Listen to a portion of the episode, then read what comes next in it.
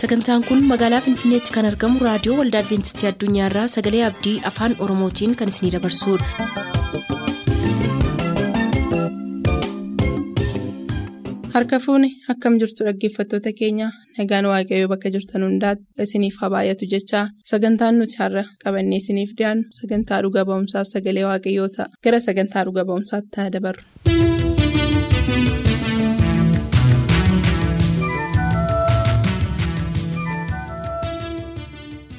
Kabajamoota dhaggeeffattoota keenyaa dhuga ba'umsa obbo Toonaaree wajjiniin jalqabne kutaa lammaffaasaa har'a qabannee dhiyaanne irraa nu waliin tura.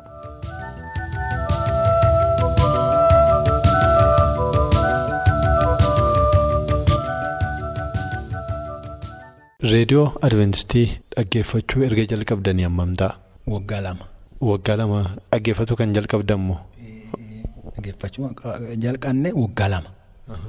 Dhaggeeffattanii gara waldaa adventistii dhufuudhaaf yeroo ammamii isin fudhate. Bakka dhageettaa innaa jalqannu ji'uma arfan wayii ta'ee bakka achiin duuba dhufe higa ji'a afurii xinaatii tana bakka reedoo banee banee caqasaa tureeyyu.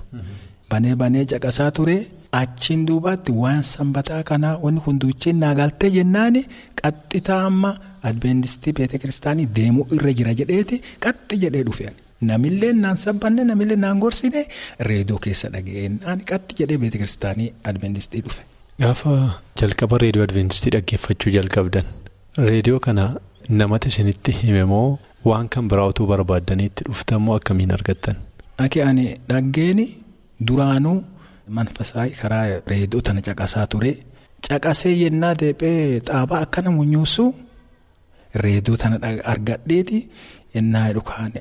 Macarrashaarra hinnaa caqasu adventistii jettee dubbatte kanarra dhufiisaa danda'e baradheen. Malee duraan waa'ee isheen dhageenye. Waa isii hin beeku. Waa'ee waldaa adventistii hin beektanii. Hin beeku ijjuma.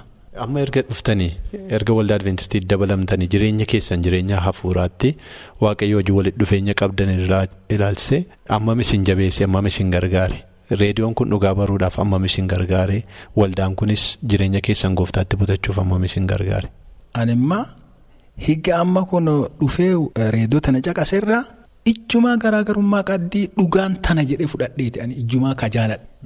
Dhugaan tana jedhee fudhadheeti nuti addaa duraanii sanbata dhugaa jennee duraa kaanii sanbata dhugaa wangeela keessa ka jiru kanaa jedheen karaa kiyyaan fudhadheeran. Amantii musliimaa keessa islaamaa keessa waggaa meeqa turtan? Isammaa diqqeenna kiyyaan jalqabeeti higa ammaati diqqeenna kiyyaan jalqabe. Amma waggaa meeqa taatu? Ammaan tana waggaa shantamii torban ta'a. Tole waggaa shantamii torba taatu waldaa mulu wangeelii keessa hammam turtan? Waggaa kudha shanin ta'a. Waggaa kudha shan achi keessa turtanii waggaa lama waldaa adventistii keessa reefu erga dhuftanii waggaa lama waggaa kudha torbaa kanaaf waggaa afurtama kan ta'u amantii islaamaa keessa turtanii jechuudha amma gara wangeelaa deebitanii isumaayyuu immoo utuu karaa kana barbaaddanii dhugaan waldaa adventistii keessa jiru. karaa reediyoo kanaa isiniif ifeennaan amma miseensa waldaa adventistii taatanii erga waaqeffachuu jalqabdanii waggaa lama ta'eera jechuudha. Isin qofa moo isinii wajjin kan waaqeffatan kana mana maatiin keessan jiru? Maatiin kiyya higa geeduu ciinuu waaqonfataa jirra jecha. Maatiin kiyya ijoolleen xiyya ati mana kiyyaa waliinuu manni kiyya muluun fudhanneerra jecha. Nama meeqa taatu mee isin maatiin keessan? Nama kudhanii sadi ta'ina. Nama kudha sadi? Ijoolleen kudha tokko anaaf haadha mana kiyyaati nama kudha sadi jecha. Kanaaf kun hundumtuu amantanii fudhataniitu. Hunduuchi amannee fudhanneerra jecha. Tolee galanni waaqeffatoo mee jireenya keessan keessatti eegumsa waaqayyo isiniif godherraa gargaarsa waaqayyo isiniif kennerraa isinii godherraa waa'ee waaqayyoo waan dhugaa ba'uu barbaadan qabduu carraa kanatti fayyadamtanii. Wanni waaqni nu tolchee waa hedduu nu tolchee jira. Irra caaltuu qaalii waaqaa nu itti dhugaa akka ta'etti fudhannee itti amanneeti gammada guddaa gubbaa jirra. Lammeessoo ani. Dhugumaanuu yennaa duraani dhibamaa ture bashtanyaa ture amma higa adventistii dhufee asitti waaqa lanaa kadhatanii waaqni gargaaree fayyee jiran kana waaqayyo kanaa tolchee jecha. Maal isin dhukkubaa ture dura? Duraanii nafuma keessa sammuu tana keessa na dhibaa nafa kana keessa na dhibaa waa adda addaatiin na dhibaa ture waan kaan duuchi immoo fedha waaqaatii waaqa naa kadhatanii alli kadhadhee. Fayyaa gubbaa jira.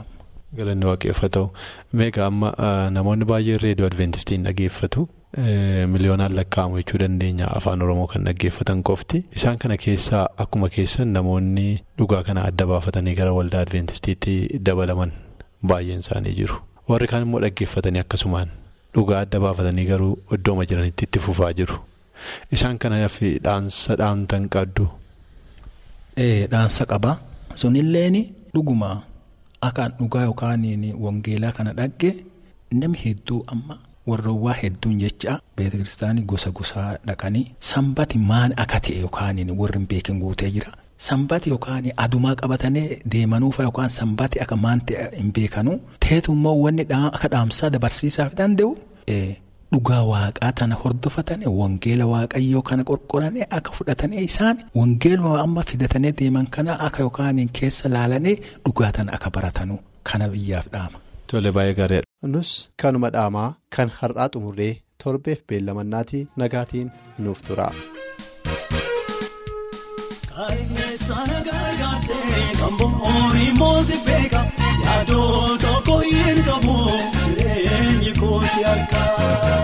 Maltaayina waa'een koojeelee shaakireen qabu kaasoo harka keerraan jira cimsee anaan kan qabu.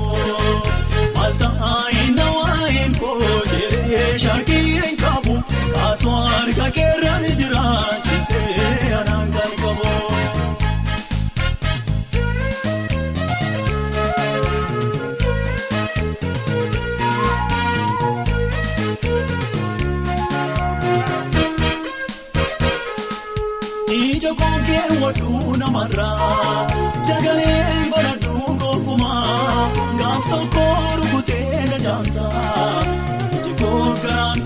koosumarraa kaayee sana gargaartee kan bo'oorii moosi beeka yaadoo tokko hin qabu jireenyi koosi harkaa maltaayina waa'een koo jedhee shakkii qabu kaasoo harka keerraan jira cimsee anaan kan qabu.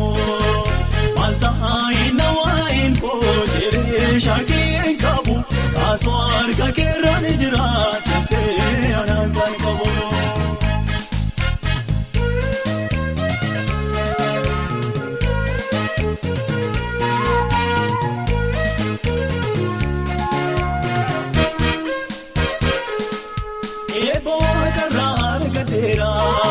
Nagaaf gammachuu naa ta'eera na keessee bukkee mirga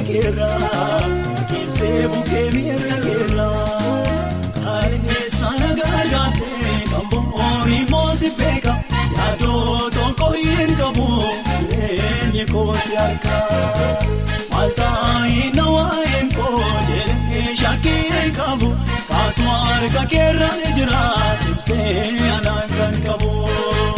Maltaayina waa'een koo jedhee shaakii qabu. Kaasuma harka keerraan jira cimsee anaan kan qabu.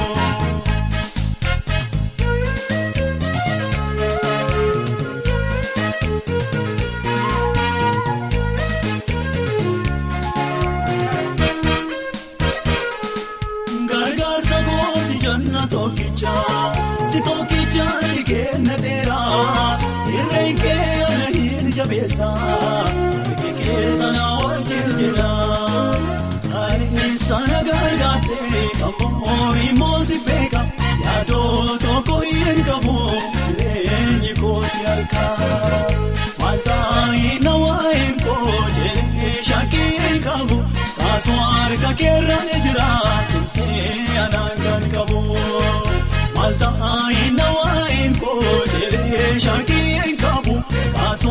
Kaasuma harka keerraan jira cimsee anaan kan qabu.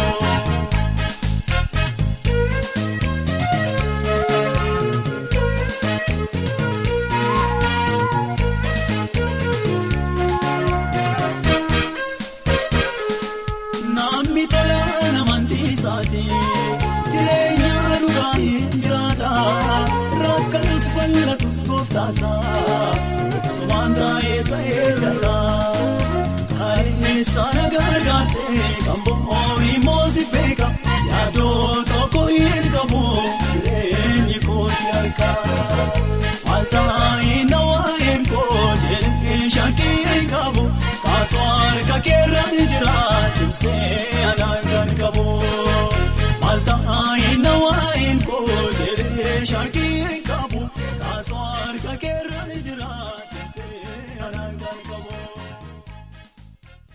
Turtanii raadiyoo keessan kan banattan kun raadiyoo adventistii addunyaa sagalee abdiiti. Kanatti aansuun hojjetaa wangeelaa geetaachoo biraasaa sagalee waaqayyoo qabatanii dhiyaatu nu hordofa.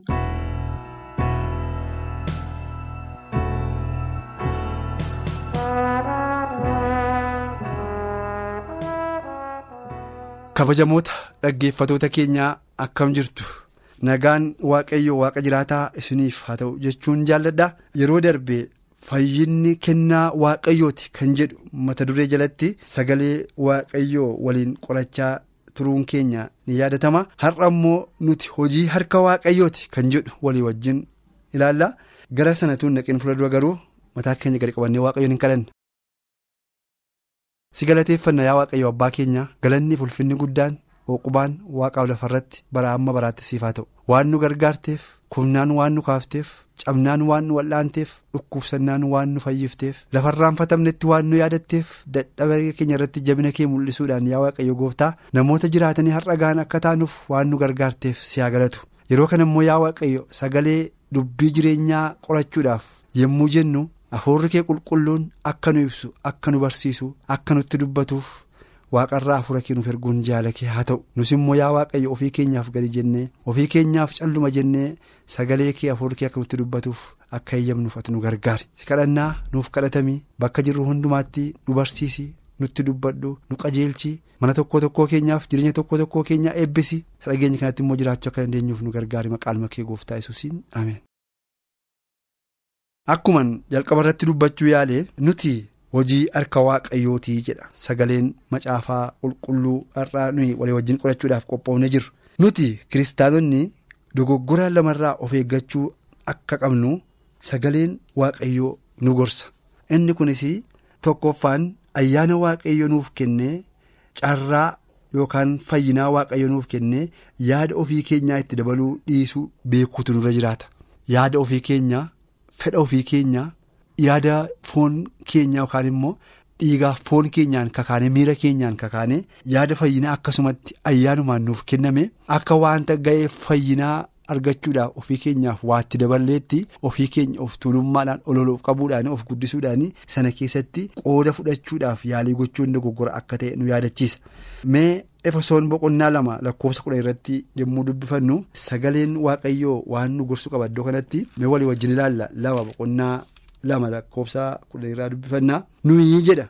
Hojii harka isaatiitii hojii gaarii isa waaqayyo duraan dursee qopheesse keessaa akka deddeebinuuf karaa kiristoos yesus uumamnee jedha. Iddoo kanatti sagaleen kun jabeessee kan inni nutti dubbachaa jiru kan inni nu barsiisaa jiru kan inni nu gorsaa jiru nuyi jedha. Nuyi hojii harka waaqayyootii jedha. Harka waaqayyootu nu tolche harka waaqayyootu nu uume harka waaqayyootu qaama keenya bu'aan hunda keenyaa tokko tokko isaa gahee gahee isaanii raawwatanii namummaa keenyaaf illee fayyaa akka isaan kennaniif godhee kan uume waaqayyoodha. Isa uumamne kana keessatti dinqiitti isa uumamne tolfamne kana keessatti ofii keenyaa fi gahee xabanne yookaan immoo shoora xabanne tokkollee kan hin qabne ta'uusaa sagaleen waaqayyoo iddoo kanatti nutti dubbata. Kanaaf egaa isa dinqiitti nu uume waaqayyo isa bareechee tolchee nu uume waaqayyo isa erga nu uume immoo karaa jireenyaaf haala jireenyaa nu mijeesse waaqayyoof galata galchuudhaan kan baate ofii keenyaaf akka wanta jabina keenyaanii akka wanta humna keenyaanii akka wanta beekumsa keenyaanii akka wanta dandeetti ofii keenyaaf. Qabnuuni baafnee ol of galchine oolchinee of bulchine hojjennee of jiraachifneetti ofuma keenya ol qabu. Dubbii waaqayyoo sagalee waaqayyoo tuffachuu irratti ka'uu dhiifne inni nu uume waaqayyo inni dinqiitti nu tolche waaqayyoodha jenne. An hojii harka kootii miti kan har'aa ittiin of jiraachisaa jiru kan na uume waaqayyoodha kan na tolche waaqayyoodha ani qodaa waaqayyooti an harka waaqayyoon an tolchame an harka waaqayyoon an uumame isatu na jiraachisa isa tarraan naga'e boris immoo abdiin isa jenne. Harka san uume harka waaqayyoo jala of galchuutu nurra jiraata malee saba waaqayyoo har'a daganne dogoggorree irraanfanne yaada waaqayyoo jalaa bakkee baane yoo argamne waaqayyo garaansaa nutti gadduu danda'a. Waaqayyo garaansaa nutti gaddee jennaan immoo hamaatti kufuu dandeenya. Kanaaf egaa hamaatti akka hin kufneefi dogoggora keessa akka hin seenneefi nuyi hojii harka waaqayyoo ta'uu keenya beekne waaqayyoon namoota uumamaniif tolfaman ta'uu keenya beekne jaalala waaqayyootti deddeebi'uun kan nurra jiru ta'uusaa nu yaadachiisa. Inni lammaffaan immoo kiristoosiin waan fayyineefi seera yookaan abboommii eeguun nu barbaachisu isa jedhurraa of eeggachuun barbaachisaadha. Tokko. Akkuma gaarraatti jedhee inni tokkoffaan waa lamarraa of eeggachuu qabna akkuma jedhe inni tokkoffaan ayyaana waaqayyo nuuf kenne irratti yaada ofii keenyaa dabaluudhaan of tuulummaa ofii keenyaa fedha ofii keenyaa dabaluudhaan yaada waaqayyoo busheessuu yookaas immoo ayyaana waaqayyoo jalaa obbaasuun akka nurra hin jirredha. Inni lammaffaan immoo kiristoosiin waan fayyineef seera yookaan abboommii eeguun nu barbaachisu isa jedhu ergaa dogoggoraarraa of eeggachuun barbaachisaadha. Sababiin kana jechuu dandeenyuuf immoo namni fayyee.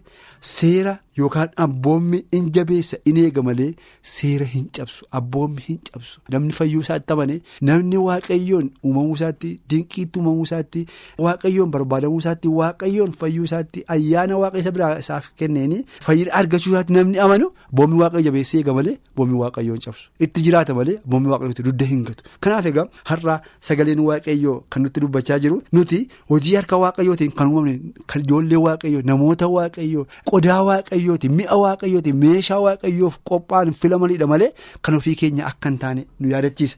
Kanaaf dhugumaan nuti hojii harka waaqayyoo waan taaneef nuti amantiidhaan isatti uumama haaraadhaa jedha sagaleen waaqayyoo yeroo dubbifnu nuti jedha erga hojii harka waaqayyootiin uumamne ta'e.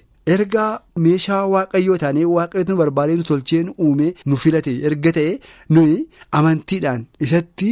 Uumama haaraadha malee uumama moofaa miti jedha ergaa kiristoosiin uumama haaraa taane immoo waaqayyo dursee kan nuuf qopheessee hojii gaarii hojjechuudhaaf namoota waamamneedha egaa tokko akkuma gaarraatti dubbanne nuti ayyaanni nuuf kenname ayyaana waaqayyo waaqa jiraataatiin kan fayyifamne hojii harka waaqayyootiin kan tolfamne namoota. Waaqayyootiif filamaniif namoota waaqayyootiif qophaa'anidha jenna erga amantiidhaan hojii harka waaqayyoo ta'uu keenya waaqayyoon tolfamu uumamuu keenya beekne immoo nuti kiristoositti uumama haaraadha jenna uumama haaraa erga taane immoo nuyi kiristoositti kan dhalannedha kiristoositti kan waamamnedha amantiidhaanii jechaa jirra kanaaf ergaa amantiidhaan abboomamuu fayyina kiristoos bira arganne immoo amantiidhaan abboomamuun immoo kan nurra. jiraatu ta'uusaa nu gaafata abboomamuudhaaf garaa kiristoos qabaachaa ta'es qabaachuun barbaachisaadha egaa ergaa kan kiristoos ta'uu keenya beekne kiristoositti uumama haaraa ta'uu keenya beekne kiristoos irraa dhalachuu keenya erga beekne nuti abboomamuudhaan immoo amantiidhaan abboomamuu keenya mul'isuun immoo barbaachisaa akka ta'e nu yaadachiisa. Abboomamuudhaan immoo amantiidhaan jireenya kiristoos jiraachaa ture shaakaluudhaan mul'isuun akka nurra jiru nu yaadachiisa. Kanaaf har'aa biyya lafaa irratti rakkina baay'eetu jira. Namoonni yeroo baay'ee walitti bu'uudhaan wal loluudhaan gargar bu'uudhaan wal gaddisuudhaan yeroo isaanii kan dabarsan baay'een jiru amantootuma ta'anii jechuudha kanaaf kun immoo. Baay'ee kan nama gaddisiisu amantiittis kan nama laaffisu hojii waaqayyootis kan nama dadhabsiisu gargar ba'u kan fidu rakkina namoota gidduutti waldaa waaqayyoo gidduutti illee kan uumu ta'uusaa beekuun barbaachisaadha sababiin isaa iddoo walitti bu'iinsi jiru walii wajjin haasa'uun walii wajjin dudubbachuun walii wajjin mari'achuun hin jiru. Iddoo walii wajjin mari'achuun hin jirre immoo walii galuun hin jiru. Iddoo walii galuun hin jirre immoo walii wajjin jiraachuun hin jiru. Iddoo walii wajjin jiraachuun hin jirre immoo guddinni yookaan jijjiiramni hin jiru. Kanaaf egaa har'a. Inni nuyi walitti buunu inni nuyi gargar baanu inni nuyi wadhabnu inni nuyi wallollu nuufis hojii waaqayyoofis dadhabina fide erga ta'e har'a uumama haaraa ta'uu keenya kiristoositti namoota lammata dhalatanii amantiidhaan jireenya haaraa keessa deddeebi'aa jiran namoota keenya amanuudhaan yookaan beekuudhaan qalbii keenya yaada keenya hundumaa kiristoosiif laannee jaalala kiristoos yesus qabaachaa ture garaa kiristoos yesus qabaachaa ture nus qabaachuudhaan warra waaqayyoof. Dhimma baasan namoota ta'uudhaa fi har'a jireenya amantii shaakaluun barbaachisaadha. Jaalalli gubaan walii walii keenyaaf qabaachuudhaan waaqayyoof qabaachuudhaan akka jiraannu sagaleen kun nu gorsaa jechuudha. Namoonni jireenya isaanii keessatti jaalala hin qabne jireenya isaanii keessatti namaaf dhiifama gochuu hin beekne jireenya isaanii keessatti namaaf irra darbuu hin beekne rakkina yookaan kiyyoo sana keessa akka isaan bu'an beekamaadha. Kanaaf egaa jal'inni yaadni hamaan. Lolli yeroo baay'ee gara kufaatiitti gara badiisaatti nama geessa namni ofiisaatii aarii irratti yeroo isaa dabarsu lola irratti yeroo isaa dabarsu jibba irratti yeroo isaa dabarsu immoo mana isaaf illee yommuu inni nagaa hin qabaanne ofuma isaaf illee yommuu nagaa hin qabaanne yeroo baay'ee in argina kanaaf saba waaqayyo ijoollee waaqayyoo kan taane waaqayyoon kan filamneef ayyaana waaqayyootiin kan bitamne dhiiga gooftaa keenya kiristoosiin kan bitamne namoota ta'uu keenya erga beekne har'a mana waaqayyootiif maaltu barbaachisaa walii walii keenyaaf maal gochuutu nurra jiraata? Jaalattamii qabaachuutu nurra jiraata? Walii galtee attamii qabaachuutu nurra jiraata? Jechuudhaani ofii keenya dubbii waaqayyoon bira qabnee of madaallee lafa dogoggora keenyaa immoo sakattaanee beekne. gara waaqayyootti deebi'uudhaanii warra jaalala waaqayyoo raawwatanii dubbii waaqayyoottis eebbifamanii ijatti godhatanii manni isaanis jireenya isaanis jijjiirame waldaa isaaniifis biyya isaaniifis eebba namoota ta'an akka taanuuf waaqayyo nu haa gargaaru bakka jiraattan hundumaatti ayyaanni waaqayyo isiniif baay'atu yeroo biraa mata duree biraattiin deebinee amma wal agarruutti nagaan tura.